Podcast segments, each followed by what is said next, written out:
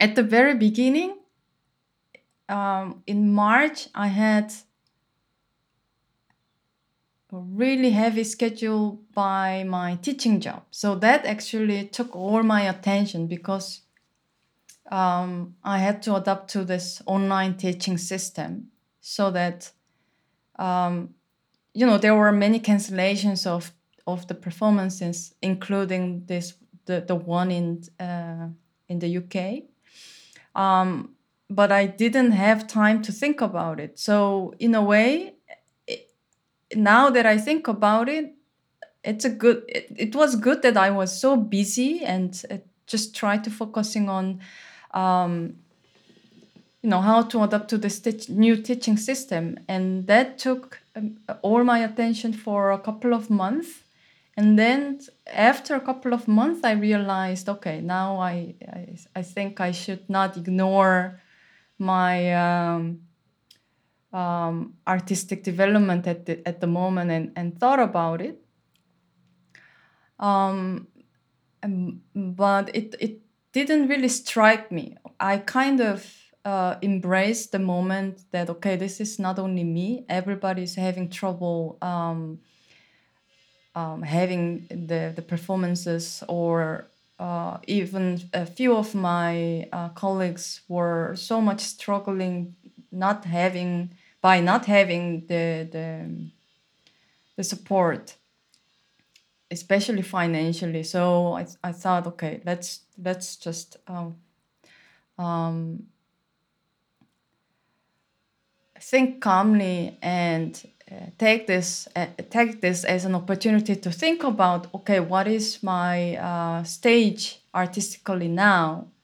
Because for now that i think about it for several years i didn't have a break.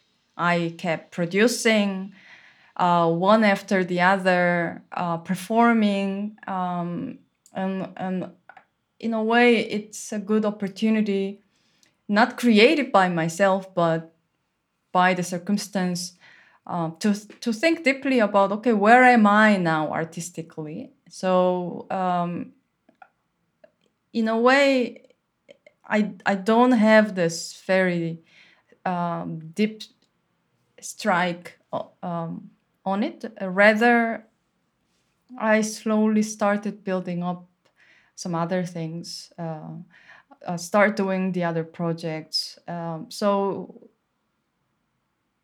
it worked positively in that regard. There, there are few few things that influenced me to love some kind of sound, and uh, one is the Korean traditional ritual, which is um, very noisy rhythmical music, and and uh, the complexity of it is another another thing but this the sound um, very metallic sound and drumming sound and those kind of very primitive down to earth kind of sounds are are uh, one of my reference. And the other that i thought of um, uh, i thought about why i love some certain kind of noise. I think it, it has a lot to do with the my, my background and how the my generation of um, of it. So, you know, in in the eighties, I was a kid, and what I have listened to is this uh, American pops uh, because I'm from Korea and I didn't actually hear so much of European music except for some uh, famous bands in in, U- in the UK from the UK mostly uh, American pops, and those involved uh, heavily synthesizer sound at the moment. So this this this is my reference to an electronic uh, synthesized um, sound that I I feel very nostalgic and still I feel very home home. And at the same time, um, I'm from Seoul, and there is no single place that you can be quiet there it's a huge city full of noise whatever that that is and uh, so that i i cannot handle very well a very quiet music and then uh, i thought about it okay wh- why is that because i i don't think I feel this kind of nature silence is uh, in, in my gene. I never was in that environment, and my environment is more that I uh, I had noise somewhere. Um, so I think all these combinations kind of influenced me to go for what sound that I, I would like to make and how what music that I would like to make out of them. If you see these traditional rituals, there are always uh, so if you uh, uh the, uh, when there is a ritual, then there are a number of different shamans but they do different things. So let's say these five shamans are playing music, these five shamans are performing, or a couple of shamans are leading the whole ritual, and there is dancers. And if you see how they are dancing, how they are, uh, uh, how their uh, choreography is made with the music, you will understand the, uh, how, how this K-pop, how we can easily fall in love with several boys and girls dancing together, perfect uh, uh, matching with each other, and and, and uh, musically. Uh, also, if you kind of try to analyze them, they never follow one genre. I don't know if you have noticed. They always mix two, three different genres. There is a little part that sounds like reggae, and then the other part sounds like EDM, and the other part's a little bit hip hop. They kind of mix those things together to make one piece. I at the beginning it really bothered me like oh my god why do do they do that just do hip hop if you are doing a hip hop and and uh, suddenly it becomes a ballad and very romantic and suddenly it boom boom boom. And and I, I, now that i think about it kind of makes sense. I think they think it's natural to mix them together. Because this part is something that i like and this is what i like and that i like. I'm going to make a good combination out of it and that somehow uh, it, I think that's what makes them um, uh, comfortable.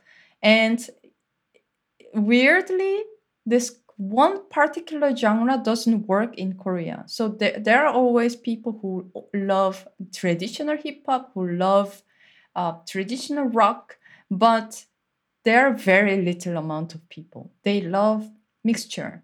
So I can kind of see some association and maybe my analysis is completely wrong and uh, overestimated but i uh, korea is a is a party country. You have no idea. We love dancing. We love dancing together. They it's they always work together. It's we can share a little bit with the spain. The family is a very important thing. Togetherness is very important thing. So um, there is something there by the way, we're called Latin in Asia, if you know about it.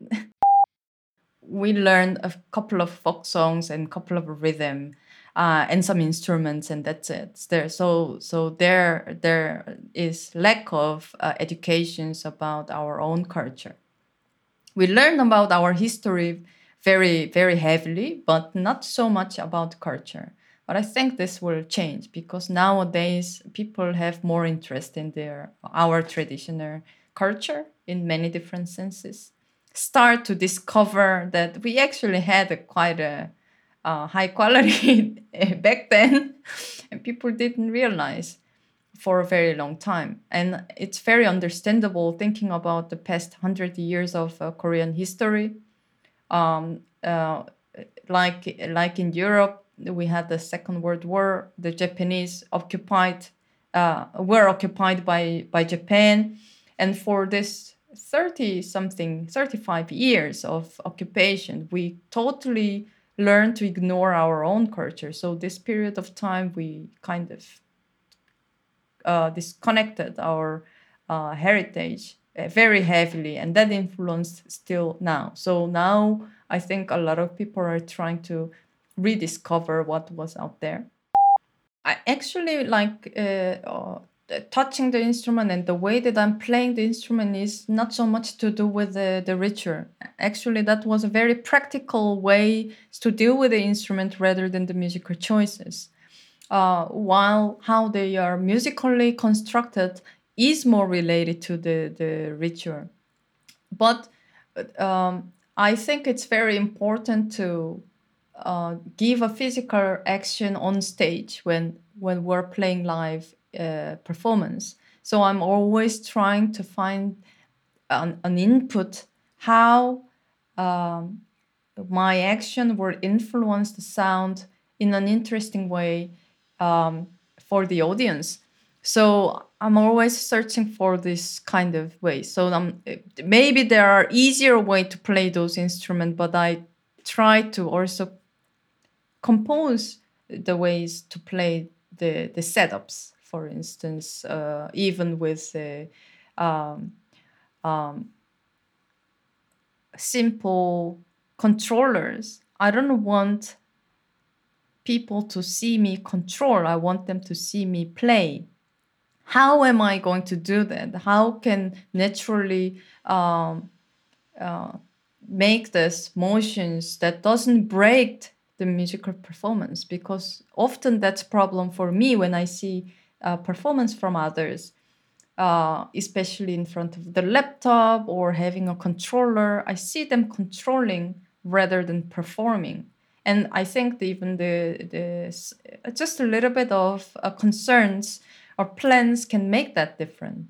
So I'm I'm trying to search for that as well.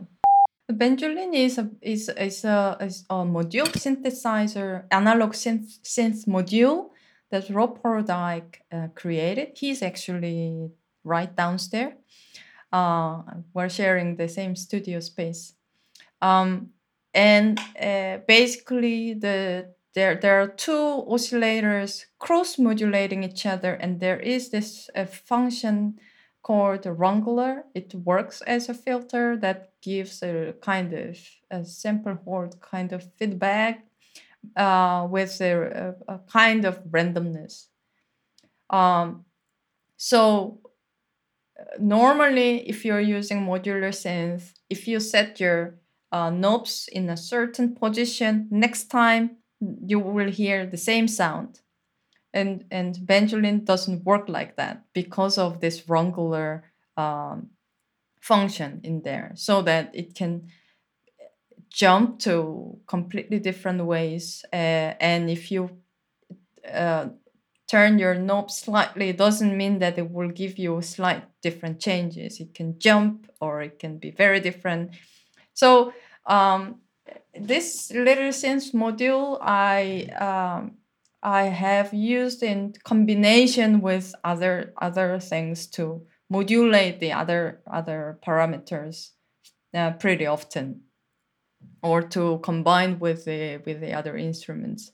Um, but I also never really played alone with uh, with a Benjolin because um, I I felt that's a little bit limited or less fun to to play. Feedback is like a free instrument from space. That's how I see it. So if I don't have a material, I have a microphone and I have a speaker and I have a room, then I have an instrument because it can do a lot of crazy things depending on where you are, what kind of microphone you are in, where is the location of speaker, and a little bit of a programming skill will give you a free instrument.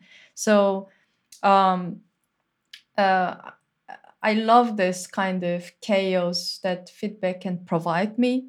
At the same time, it's not just uh, chaos, it has a character pattern that uh, is something you can deal with. And a, a more, more than that, it has something to do with space.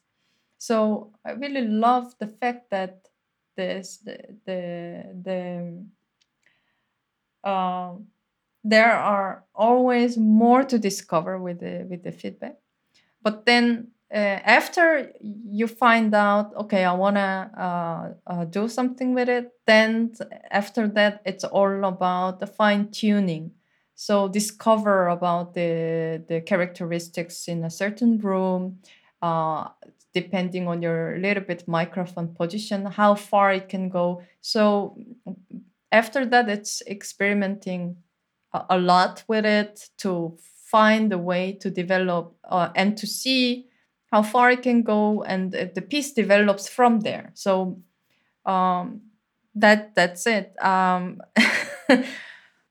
that's the way that I am composing. I first start with the instrument and then and uh, looking at their characters and then try to construct something on the top of it or with them or um, so, so from uh, small to big let's say. And with feedback it's the same. You know i i am this x generation we call it yeah x generation. We lived uh, in between analog and digital world and we experience both. So uh, this uh, this movement between analog and digital. So our surrounding when when i was growing up even the music that i i was listening to i have been listening to since i was kid had this changes in in in this um, the in industrial changes. And there there are some particular sound that i remember even with with the, the the lights with the the computer fan or the cars or the the sound of city um, telephone you know the, the quality changes. And now that i think about it i have been always very fascinated this surrounding noise since i was kid I was attracted to it. I was regenerating it in, in, in, to play with it, to just by curiosity, and uh, even music um, that I I was listening to when I was kid. I was very fascinated by this mixture between these electric guitars and the synthesized uh, synthesized sound that were fashion in 80s and 90s you know so you know i'm just thinking back how that how my how i was attracted to that like why? So um that's what i'm talking about the surrounding the noise from our daily environments and the the industrial changes um, and so on and so forth. When i compose I don't separate musical space and physical space. Uh, at least I I try not to separate them. That's the only thing only thing that I can say. Um, I think this each sound, whatever the sound is, has uh, uh, some kind of special behavior or special location that they belong to. And for me, my job is to find that into the right position. I think that's what I'm trying to do. And also, that's what I'm uh, telling my students.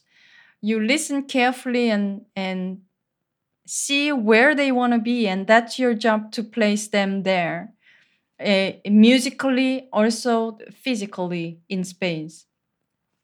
And and there is no specific way of doing it and there is no right answer and of course there cannot be a right answer but that's uh, that's what i'm trying to do. And that's all i can say. I cannot really uh, explain more than that there i i think i leave a little bit of spot to make this instrument to go in an unexpected way. At the same time there are spots that i really can control so that it's not entirely out of my hands.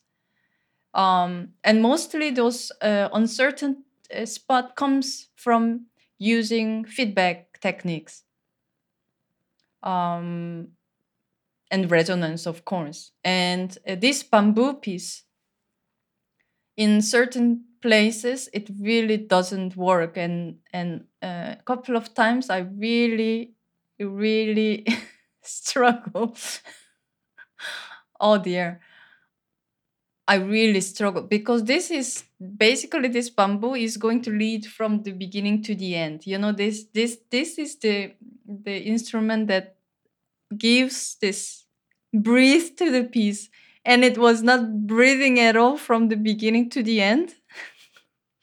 And that that was very difficult but okay that's just how it is. Um so yeah both. Both certain parts i make it controllable certain parts i leave it open. And also depending on on the instrument the way that i treat them are very different but they, that's what i am aiming for when i'm dealing with instruments well that that that started with that instrument this hand harp um, that I found from a secondhand store. So there were some couple of wires broken. So when I brought it, I wanted to use it uh, in my uh, music, but not as hand harp. So th- there we go again with uh, re- rediscovering the identification of that that object.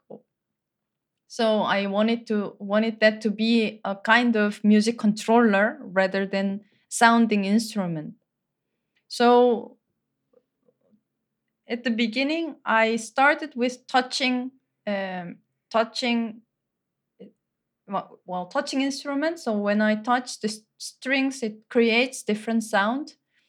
And then later, I thought, oh, actually, maybe it, it can be kind of extension working as a breadboard. So breadboard is this white board that you put uh, cables on to create the circuit. So I I want I used it as a breadboard because um, I had this idea of doing a live breadboard, um, but that was too tiny for the audience to see, and also was too nerdy to direct, so that there was no charm in using breadboard. So I thought, oh, okay, then this instrument can be a breadboard, and people can see my actions to um, uh, tweaking the circuits using the wires that are there. So I thought I, I could develop that. So it really started from the idea of this method, very specific method, rather than having a musical idea of it. And then um, I tried to make some interesting uh, circuit bending on this harp. And then the piece developed from there. Yeah, this Utopa organ is a very specific organ that we can control keys and everything else with computer, basically sending MIDI or OSC signals to the, the church organ and, and Baroque organ. So that the project came to uh, me and the other composers to um, make a, a, piece for that organ when they finally finished this uh, technical um, setup for the organ. So when I saw this organ, of course, immediately I associate with the church organ. I mean, it, it is church organ. So when I listen to the organ sound, you associate with certain type of sound music uh, and even the resonance in the organ. So I had to break that. And how how could I break that is to make it as as some kind of factory machine. Because it is machine now without human uh, fingers it works with a computer. So if you are a machine then behave like a machine. So that was my uh, idea with the approaching to the piece.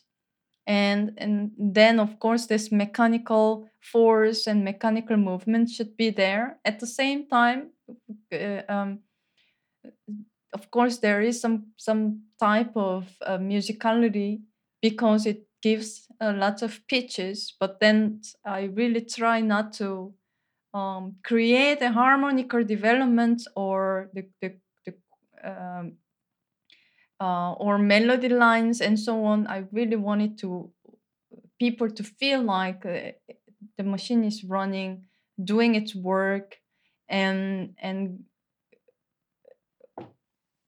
yeah. Because we often you know when we listen to the the factory machines we we feel the rhythm we feel music eh, in even construction sites when you are walking by when something is regularly working we always react to that as if we are listening to the music. I just wanted to to do that so i'm not really dismissing the musicality of it but this musicality comes from this mechanical behavior. That's what i wanted to to reveal uh, throughout the piece. So the, the piece like an organ piece actually i would i would call it as more fixed fixed piece. There was not so much thing for me to do during the performance. It was running by itself. Even though it was played live i think one of the reasons why i studied com- composition is because i liked writing on a paper i'm a little bit crazy about the quality of the paper the quality of the pencil and pen and so on and i really enjoy writing on a paper and uh, also to sharpen pencils was actually when I was in university, when I still had to write everything starting with pencil. That was my ritual like sit down with 10 pencils, sharpening the pencils as slow as possible because I don't want to start composing. that was uh, my ritual. And st- still now, if I have to write a piece with the notes, I still write on a paper. Um, uh, I cannot really compose on uh, on computer. That's I don't have the same speed as writing on a paper. Um, and then at, at a certain until a certain moment i really try to notate whatever music that i i have made even though with uh, graphical notation and and so on. And at a certain moment i had to give up because it was not uh it was the yeah it needed more research on how to translate the sound that you're listening to into the the paper and and I couldn't really find uh, enough time and effort in into that. Maybe I should really think about it. I kind of forgot about that subject at all. Yeah, but still, still, I try to to make um, um, yeah, try to write on a on a score with pencil whenever I need to, and um, instead i'm still like when i make a piece i make a lot of notes but i collect all those notes piece by piece. So there there are like files of of uh, for each every pieces even with the live performance so it's not a score but all these thought materials uh, even diagrams for electronics whatever that is there I collect them and put it into the file. To start the day, yeah, I have some morning, let's say mo- morning routine, but that's not necessarily for for composition, but it's more for every day. So like uh, running, meditating, uh, and uh, studying Dutch.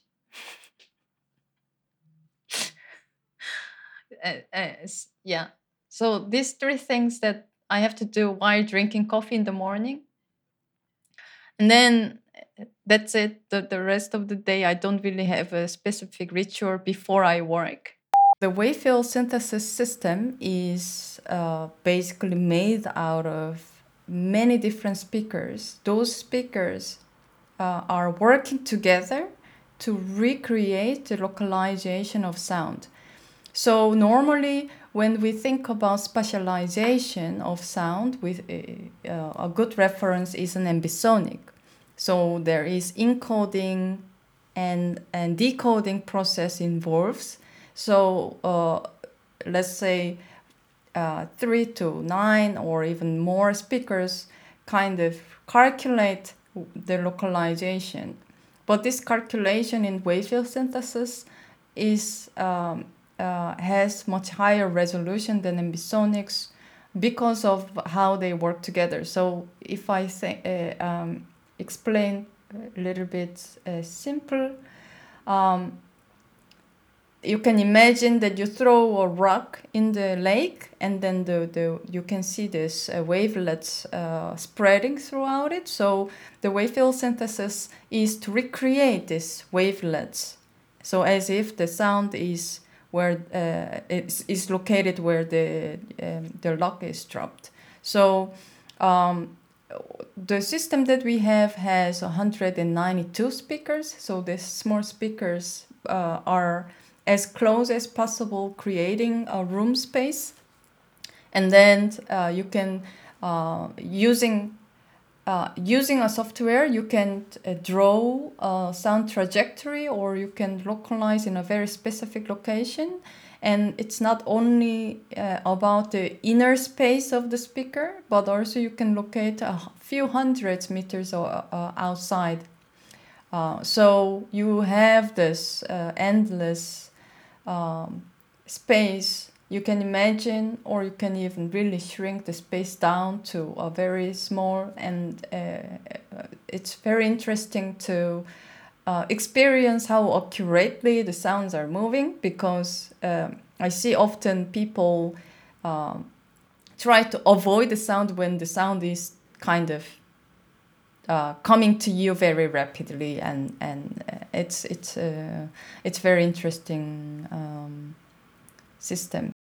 Uh, and of course, it can create quite an interesting uh, re-realization. But human ears are so sensitive enough to detect the difference. And uh, even with this uh, very accurate calculation, we notice the difference. And maybe this difference is what makes it more interesting if you use that as an artistical feature. Uh, but what, what I think uh, uh, more interesting artistically to use such a system is that it solves a big problem from listening to a fixed media piece, for instance, because normally we sit uh, in a darkness, speaker is right there and we close our eyes and we don't see anything and we feel like we're not really um, um, seeing or experiencing what the composer is supposed to do because it's so difficult to you know uh, recreate the artistic gesture with a conventional system and uh, still there is some space between the audience and the speakers where the sound is is there. With the wavefield system kind of melts this space so that you are within the musical or sound world so that you you feel like you're involved. You don't need to see so much. For instance somebody's playing knobs or anything like that because the information comes so so closely and your involvement is clearly different than listening to the conventional uh, system. So i think that's that's the most uh, interesting um, feature of using such a system. People adapt to the the, uh, the system. So I, I can clearly see that that system works as a kind of instrument. It clearly has a character and what it can do and what it cannot do. And and uh, um, so some people come up with uh, um, um, field recordings to create some kind of very strange uh, recreation of very strange space or to to make um, a fixed media piece that uh, that uh, has uh, the the space can expand endlessly and and shrink down. So um, or you can also do live performances, but that has been very challenging because suddenly you have so many things to control in real time. So there hasn't been not so many pieces for live, but people still try to do a lot. And um, so yeah, it's there. There are many different approaches to to it. Pentacle is uh, first of all giving me this uh, round space, uh, circular shape of space, and uh, audience are sitting um, in the middle of it, and and the performer is even more in the middle of it, and uh, the way that the pentacle system is uh, specializing the sound is is quite special. Uh, technically speaking, I think, uh, simply speaking, uh, what is very interesting is that you can um, um, connect your sound parameter to control the specialization directly in and very smoothly in a live performance situation. Meaning that if you calibrate very well how your sound is going to be and and that will influence your uh, specialization within the live performance then you don't need an extra control of it so um, to find this nice combination of sound material and specialization was a very interesting thing. But uh, going back to what Pentacle is, uh, yeah, it is another type of specialization system. As uh, many other multi-channel systems, it has its own character. Uh, for me, what was very strong is that it's uh, it's not the accuracy of the sound movement, but to be able to very flexibly connect your musical parameter to the specialization and also can be really powerful in terms of interacting with the audience because it, it also has this um, uh, kind of sense of uh, involving the audience because not only because the, the system is surround uh, surrounded because I don't see so much of this effect with the ordinary quadraphonic, uh, not quadraphonic, octaphonic system, for instance. And the, this has more, uh, gives more power to, let's say, penetrate within the audience space. So um, it's it's it's it's an interesting system. Um, there is this three uh, subs. Um, there there are 15 large speakers and three subs, and those three subs work quite independently, and that gives another um, uh, dimensions as well. So I don't know. I'm murmuring a bit much, but uh,